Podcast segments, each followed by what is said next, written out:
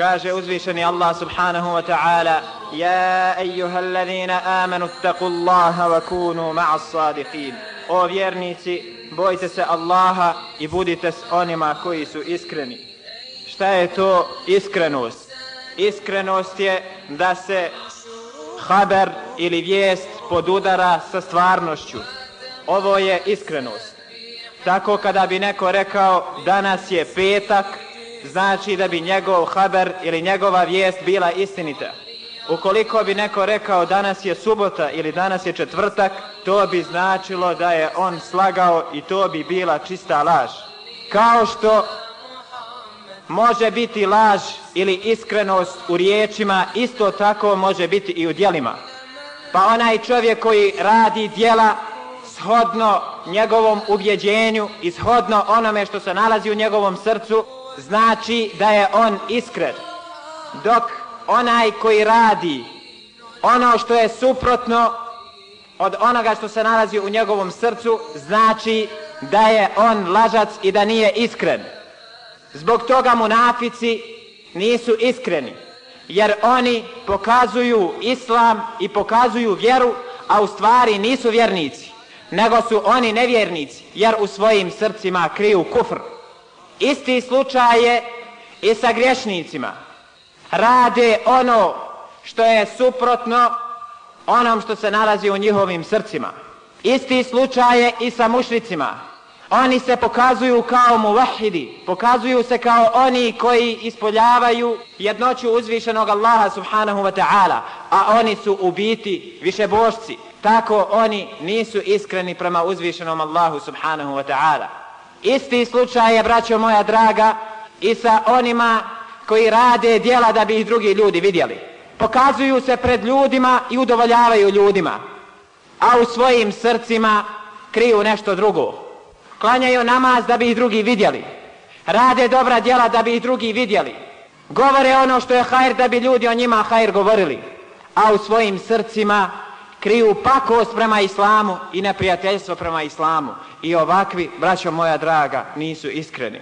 A kakvi su bili ashabi Allahovog poslanika sallallahu alaihi wa sallam? Kako su se oni odnosili prema Allahovom poslaniku sallallahu alaihi wa sallam? Kako su se oni žrtvovali? kako su oni istinu govorili i kako su radili ono što im je on naređivao, a klonili se onog što je on zabranio. Zaboravio sam napomenuti jednu bitnu kategoriju ljudi koji isto tako potpadaju pod skupinu onih koji nisu iskreni, a to su oni koji čine novotarije u vjeri. Zamislite, braćo moja draga, da čovjek iskazuje svoju pripadnost Allahovom poslaniku sallallahu alaihi wa sallam i dosljednost u slijedjenju. A on je svjestan i zna i radi suprotno onome što je Allahov poslanik sallallahu alaihi ve sellem naredio. Zato neka se svako pripazi ko radi suprotno onome što se nalazi u njegovom srcu. Danas ćemo, braćo moja draga, pripovjediti priču ili kazivanje o jednom ashabu radijallahu anhu koji je pokazao kako treba vjernik da bude iskren i kako treba da se pokaje Allahu subhanahu wa ta'ala.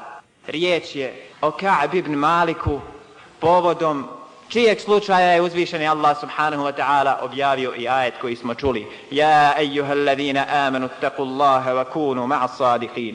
Ovi koji vjerujete, bojite se Allaha subhanahu wa ta'ala i budite sa onima koji govore istinu povodom Ka'ba ibn Malika i one još dvojice sa njim koji su izostali iza bitke na Tebuku, Allah subhanahu wa ta'ala je objavio ovaj slučaj. Zbog bitnosti cijelog događaja, događaje ćemo, inša Allahu ta'ala, makar u dvije ili tri hutbe čuti u njegovoj pravoj cijelosti. Pripovjeda Ka'b ibn Malik, ono što je bilo vezano za mene kad sam izostao od Allahovog poslanika sallallahu alaihi wasallam u pohodu na Tebuk, jeste da nikada nisam bio jači niti je bilo spremnije god mene u vrijeme kad sam izostao iz tog pohoda. Tako mi Allaha prije tog pohoda nikad nisam imao dvije jahalice zajedno. A za vrijeme tog pohoda imao sam ih zajedno. Allahov poslanik sallallahu alaihi wa sallam rijetko je vodio pohod a da nije aludirao na drugi. dok nije došao ovaj pohod. Vodio ga je Allahu poslanik sallallahu alaihi ve sellem po žestokoj vrućini i uputio se na dalek put i bezvodne pustinje protiv mnogobrojnog neprijatelja pa je prepustio muslimanima njihovu stvar da bi se pripremili protiv neprijatelja. Saopćio im je svoj pravac koji želi, a muslimana je bilo mnogo sa Allahovim poslanikom sallallahu alaihi wasallam, tako da ih ne bi mogla obuhvatiti ni knjiga registar. Što znači, veliki broj muslimana je učestvovao u toj bitci na Tebuku. Rekao je Kaab, rijetko ne bi čovjek koji je želio izostati, mislio da to neće poslanik sallallahu alaihi wa sallam primijetiti. Osim da uzvišeni Allah subhanahu wa ta'ala spusti objavu o tome. Allahu poslanik sallallahu alaihi wa sallam izvršio je taj pohod kada su prijali plodovi i hladovi, a ja sam tom pohodu okrenuo lice. Allahu poslanik sallallahu alaihi wa sallam i vjernici su se spremili Požurio sam da se spremim sa njima, pa sam se vratio i ništa nisam pripremio od svoje opreme.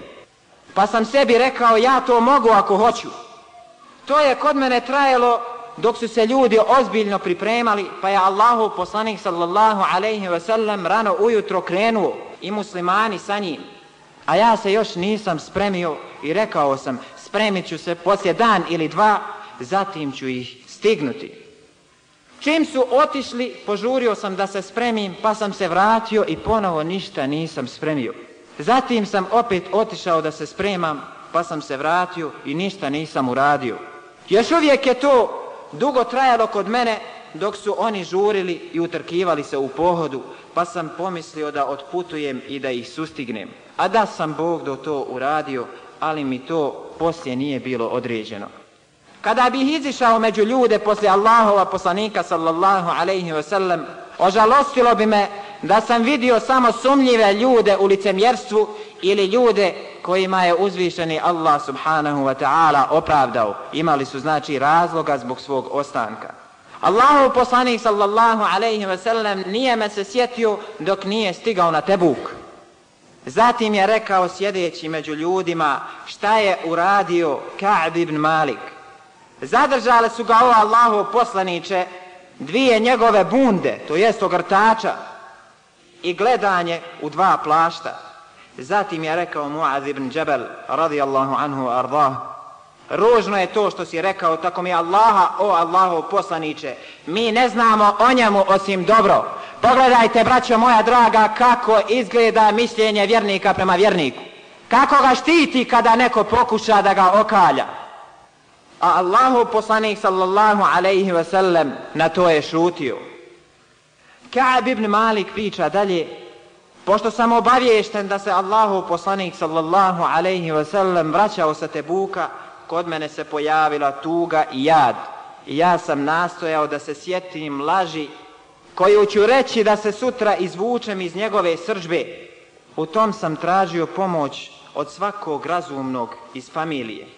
Pošto je rečeno da Allahu poslanik sallallahu alaihi ve sellem stiže, udaljila se laž od mene. I shvatio sam da se ničim ne mogu izbaviti. Zatim sam odlučio da budem iskren prema njemu, a on je umeđu vremenu stigao. A kada bi dolazio s puta, Allahu poslanik sallallahu alaihi ve sellem počinjao bi od mesčida. Ovdje je sunnet putovanja. Kada se čovjek vrati sa putovanja, treba da prvo svrati u mesčid, da klanja dva rekata, pa tek onda nakon toga da odlazi svojoj kući. A ovo je u istinu bila i praksa Allahovog poslanika sallallahu alaihi ve sellem, što vidimo iz ovog događaja. Klanjao bi dva rekata, zatim bi sjeo među ljude.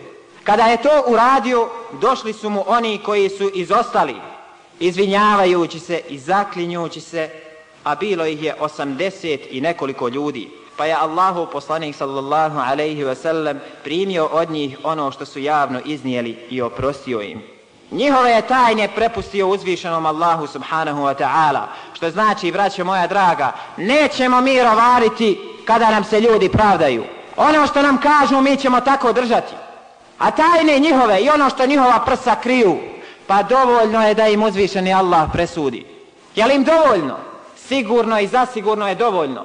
svakom onom ko želi da prevari vjernike i da im napakosti, neka se sjeti dana na koji će doći, neka se sjeti dana polaganja računa, tako da bi mu to njegovo laganje ili pakost koju priprema vjernicima bilo slađe, jer možda će mu to otvoriti raspoloženje, bit će raspoloženi kada je u pitanju nepravda muslimanima.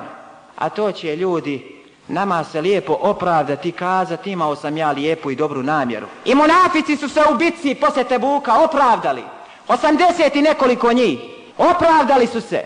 Ali, da li je to njihovo opravdanje bilo opravdano? Da li su se opravdali? Jesu se opravdali na Dunjaluku. Dunjaluk je kratak i lahak. Opravdat se možemo.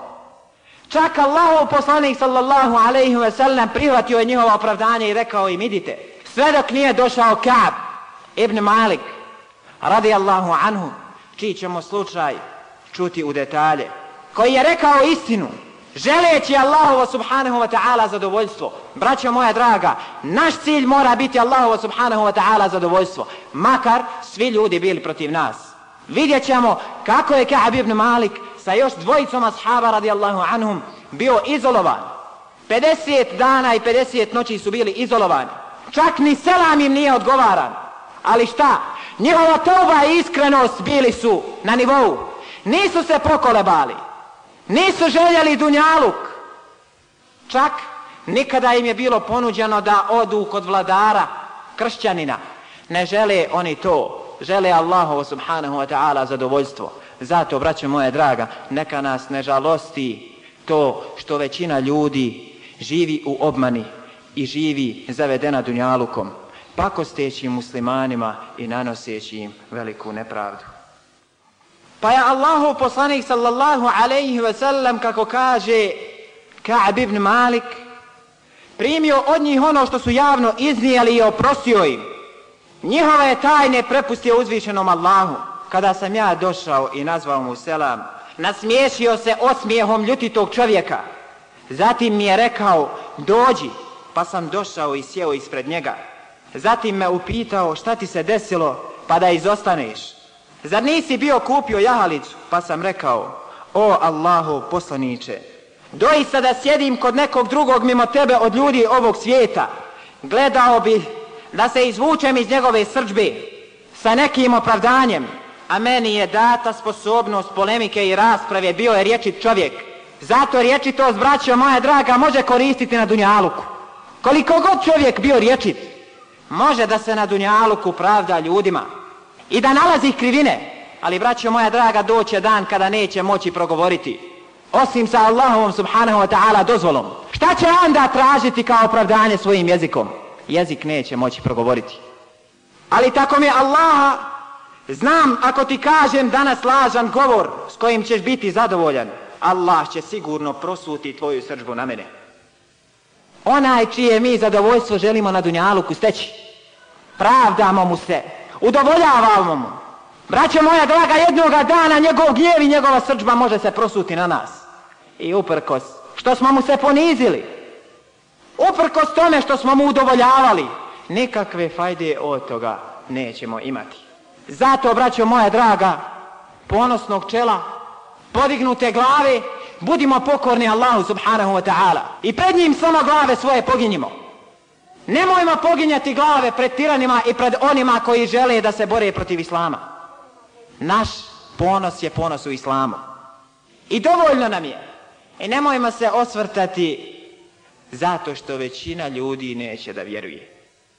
Makar bio pojedinac, budi pojedinac i ponosan. Umri kao ponosan musliman, bolje ti je nego da umreš kao ponižen munafik ili licemjer. A ako ti kažem istinu zbog kojeg ćeš se naljutiti na mene, ja se time nadam nagradi od Allaha subhanahu wa ta'ala, ja subhanallah. Kako je istina slatka? Istinu reći, pa makar sa mnom i ne govorio i ne pričao. Makar ti ne bilo povolji, znaj da je na meni vađiv i obaveza da ti istinu kažem. Da li ćeš se naljutiti na mene ili ne? To me apsolutno ne interesuje. Ovako treba da budu naši stavovi. Ovo govorim u prvom licu misleći na nas sve. Mi treba svi da budemo odlučni da tako se vladamo. Da govorimo istinu. ne kolebajući se kada dođemo i sjednemo pred nekog stoličara ili sjednemo pred nekog činovnika. Danas sjedi u fotelji, a sutra će možda kopati kanale. Zato nemojmo se poniziti pred njim, ponizimo se pred onim pred kojim se ponižavaju i vladari i počinjeni. Tako Allaha nisam imao opravdanja, kako kaže Ka'b ibn Malik. Nisam imao opravdanja kao nikada do tada i nije bilo spremnije od mene kad sam izostao iza tebe. Allahu poslanik sallallahu alaihi wasallam je rekao ovo je istina. Ovo je istina. Ustani i idi dok ti Allah subhanahu wa ta'ala ne presudi.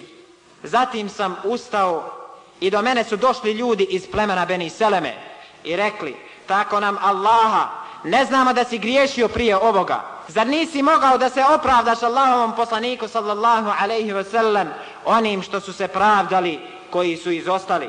Bilo ti je dovoljno za tvoj grijeh to što bi za sebe tražio oprost Allahova poslanika sallallahu alaihi wa sallam. Kaab je rekao, tako mi Allaha, grdili su me tako da sam se želio da vratim pa da sam sebe poreknem. Kako su munafici i licemjeri istrajni u svom licemjerstvu. I kako su oni koji su pakosni prema islamu ustrajni u svome pozivu. Neće odustati. I pogledajte kako vrbuju ljude. Pogledajte kako su spremni da vrbuju one istrajne i iskrene Allahove robove. Ured uspjeli da ga nagovore da se vrati pred Allahovog poslanika sallallahu alaihi wa sellem, da ne govorimo mi u današnje vrijeme. Uspjeli skoro da nagovore Ka'b ibn Malika da se vrati i da porekne sebe. Ovako su lice mjeri istrajni. Zato, vraćo moja draga, ako nismo spremni da se pred njima branimo, onda čak šta više nećemo sa njima ni sjeliti. Udaljit ćemo se od njih jer oni žele da nam napakosti. Ako su oni krenuli da se tuše u vodi, vi znate onaj potopljenik i za slamku se hvata da bi se spasio. Tako i oni koji su krenuli da tonu, oni žele da uhvate da svi ljudi sa njima potonu. Ne žele da ima oni odvažnih Allahovih robova koji će biti iskreni i koji će se boriti za istinu. Žele da sve potope zajedno sa sobom. Zato, braćo moja draga, dobro ćemo ih se pripaziti. Zatim sam im rekao, da li je ikog zadesilo ovo sa mnom? Odgovorili su, da, zadesilo je to još dva čovjeka koji su rekli kao što si i ti. Rečeno im je kao što je rečeno i tebi. Pa sam upitao ko su njih dvojica. Odgovorili su Mirara ibn Rabi'a al-Amiri i Hilal ibn Umeje al-Waqifi. Spomenuli su mi dva dobra čovjeka koji su učestvovali na bedru. Što znači, braćo moja draga, može se desiti da vjernik pogriješi. Čak su učesnici bedra pogriješili. Ali teuba i pokajanje mora biti od svojstava vjernika. I da se pokaju Allahu subhanahu wa ta'ala za svoja loša djela i za svoje prijestupe. Spomenuli su mi dva dobra čovjeka koji su učestvovali na bedru, a ja sam se mogao ugledati u njih. Ja sam krenuo kada su mi ih spomenuli. On dalje kaže, Allahu poslanik sallallahu alaihi ve sellem zabranio je muslimanima razgovarati sa nama trojicom između onih koji su izostali iza njega. Oni osamdeset i nekoliko opravdali su se. Samo njima trojici je zabranio poslanik sallallahu alaihi ve sellem da komuniciraju s ljudima. Informativna blokada. Hodaš kroz ljude kao kroz drveće. Selam nazoveš, ne odazivaju. Da razgovaraš s njima, neće da razgovaraju. I opet, uprko svemu tome, teuba, teuba, teuba i teuba. Pokajanje, braćo moja draga, je bilo iskreno i oni su bili istrajni. Izbjegavali su nas ljudi i mnogo su se promijenili. Tako da, tako da ja nisam mogao prepoznati zemlju po kojoj sam hodao. I ona kao da nije bila zemlja koju sam znao. U takvom stanju ostali smo 50 noći. Što se tiče dvojice drugova, izolirali su se i sjedili su u svojim kućama plačući. Ja sam bio čvršći i strpljivi. Odlazio sam na nama sa muslimanima, obilazio trgove. Niko nije razgovarao sa mnom. Dolazio bih Allahom poslaniku sallallahu alaihi ve sellem poslije namaza. Nazivao bih mu selam i sam sebe pitao miču li se njegove usne, odvraća li mi selam ili ne.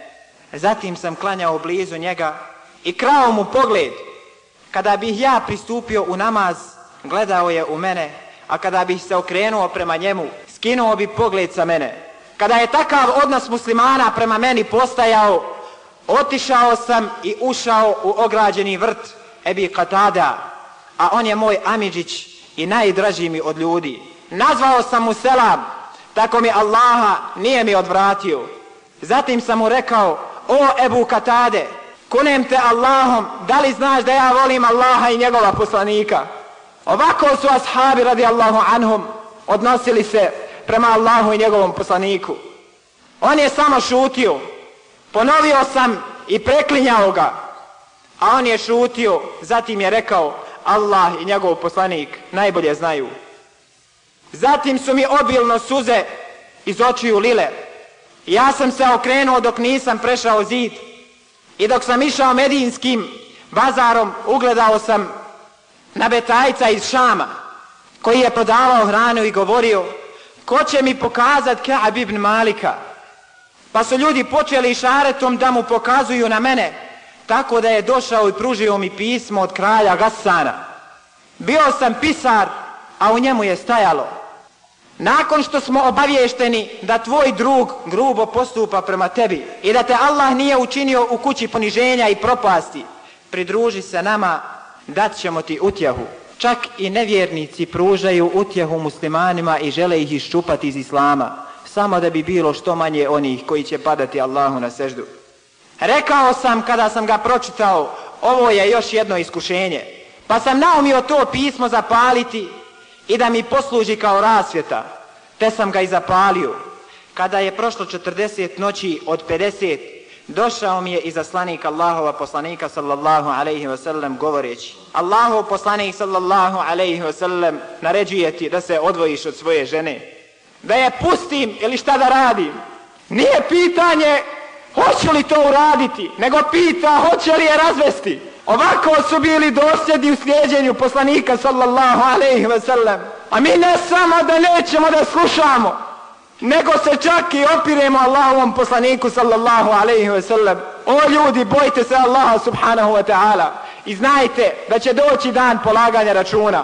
Dunjaluk je kratak, zaslužimo li Allahovo subhanahu wa ta'ala zadovoljstvo, bit ćemo u okrilu njegovog rahmeta i njegovog zadovoljstva na sudnjeme danu. A Dunjaluk je kratak i zadovoljstvo ljudi je još kraće. Danas su s nama zadovoljni, a sutra su protiv nas i ubijaju nas i progone nas i podmeću nam smicalice.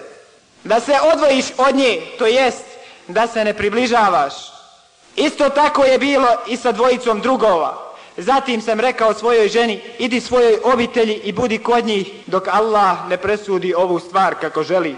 Zatim je došla žena Hilal ibn Umeje kod Allahova poslanika sallallahu alaihi wa sallam pa je rekla, o Allahov poslaniće, Hilal je iznemogao starac, nema sluge, da li ne voliš da ga ja služim?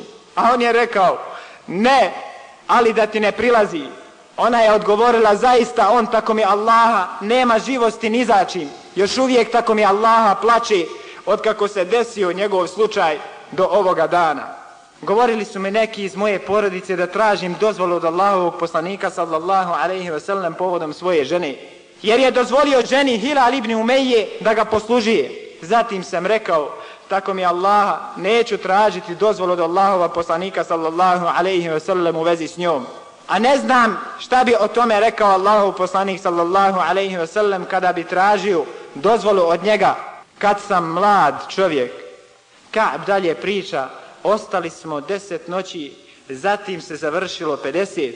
Zatim sam klanjao sabah namaz ujutro 50. noći na ploči, to jest na krovu jedne od naših kuća. I dok sam sjedio u stanju tjeskobe koju je uzvišeni Allah spomenuo i zemlja mi je postala tjesna, koliko god da je bila prostrana, čuo sam čovjeka koji viče sa brda sal, najvišim glasom. Radosna vijest, o Ka'b ibn Maliku, pao sam na seždu i znao sam da je došao spas i izlaz od uzvišenog Allaha subhanahu wa ta'ala, tako što nam je primio teubu. Allahu poslanik sallallahu alaihi wa sallam objeledanio je Allahovo pomilovanje nama nakon što je klanjao sabah namaz.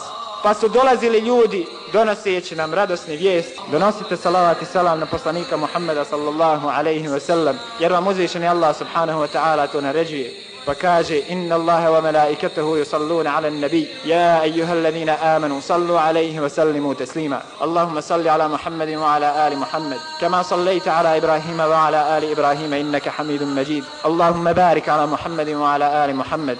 كما باركت على إبراهيم وعلى آل إبراهيم إنك حميد مجيد. اللهم أعز الإسلام والمسلمين وأذل الشرك والمشركين ودمر اللهم أعدائك أعداء الدين. اللهم انصر إخواننا المجاهدين في أفغانستان. اللهم انصرهم في الشيشان. اللهم انصرهم في فلسطين. اللهم طهر بيت المقدس من دنس اليهود. اللهم طهر بيت المقدس من دنس اليهود. اللهم طهر بيت المقدس من دنس اليهود. اللهم زلزل الأرض من تحت أقدام أعدائك أعداء الدين. اللهم زلزل الأرض من تحت أقدامهم. اللهم احصهم عددا واقتلهم بددا ولا تغادر منهم أحدا. إن الله يأمر بالعدل والإحسان وإيتاء ذي القربى وينهى وينهى عن الفحشاء والمنكر والبغي يعظكم لعلكم تذكرون.